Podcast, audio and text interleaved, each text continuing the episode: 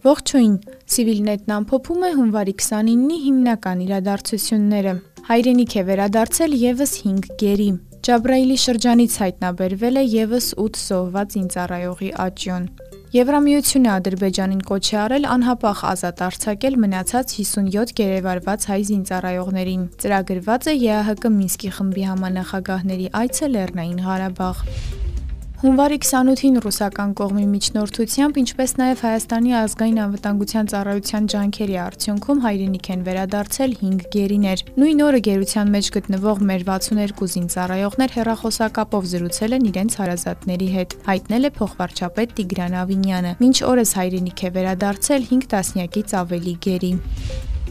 Ադրբեջանում պահվող հայ գերիների մասին հայտարարությամբ է հանդես եկել Եվրամիությունը, Ադրբեջանին կոչ անելով անհապաղ ազատ արձակել մնացած 57 գերեվարված հայ զինծառայողներին։ Եվրամիությունը ողջունում է նոյեմբերին Ադրբեջանի կողմից գերեվարված 5 հայ զինծառայողների ազատ արձակումը։ Կոչ են կանում անհապաղ ազատ արձակել մնացած 57 կալանքի տակ գտնվողներին։ Դա կնպաստի երկու երկրների միջև վստահության ամրապնդմանը, ինչը կարևոր է տարածաշրջանում կայուն խաղաղության համար։ Թվիթերի իր պաշտոնական էջում գրել է Եվրամիության արտաքին հարաբերությունների ծառայության խոսնակ Պետեր Ստանոն։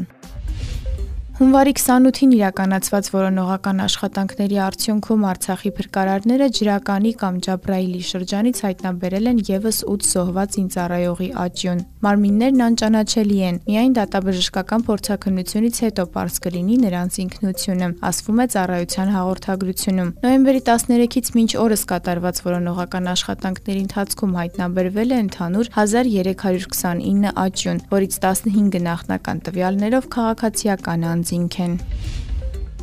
ԵԱՀԿ Մինսկի խմբի համանախագահների այցը Լեռնային Ղարաբաղ ծրագրված է։ Այս մասին հունվարի 28-ին ամենշաբաթյա ճեպազրույցում հայտարարել է Ռուսաստանի արտաքին գործերի նախարարության պաշտոնական ներկայացուցիչ Մարիա Զախարովան։ Այսօր այցի ժամկետները որոշված չեն, դրա մանրամասները պետք է համաձայնեցվեն բոլոր կողմերի հետ, ասել է Զախարովան։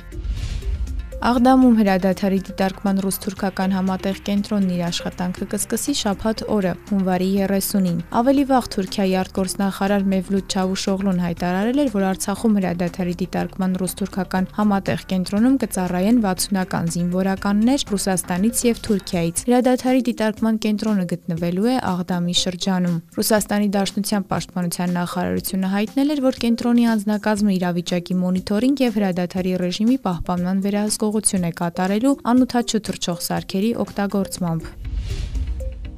Փոխվարչապետ Տիգրան Ավինյանն այցելել է Սյունիքի մարզ հանդիպել Որոտան եւ Շուրնուխ համայնքի բնակիչներին։ Բնակիչների հետ քննարկումների արդյունքում պայմանավորվեցինք բնակարանը կորցրած ընտանիքների համար կկառուցվեն նոր տներ, ասել է Ավինյանը։ Փոխվարչապետը նաեւ հայտարարել է, որ բնակարանը կորցրած ամեն ընտանիքի յուրաքանչյուր անդամ կստանա միանվագ 300 հազար դրամի չափով աջակցություն, ինչպես նաեւ 68 հազար դրամ նվազագույնը 6 ամիս, մինչև բնակարանների կառուցումը։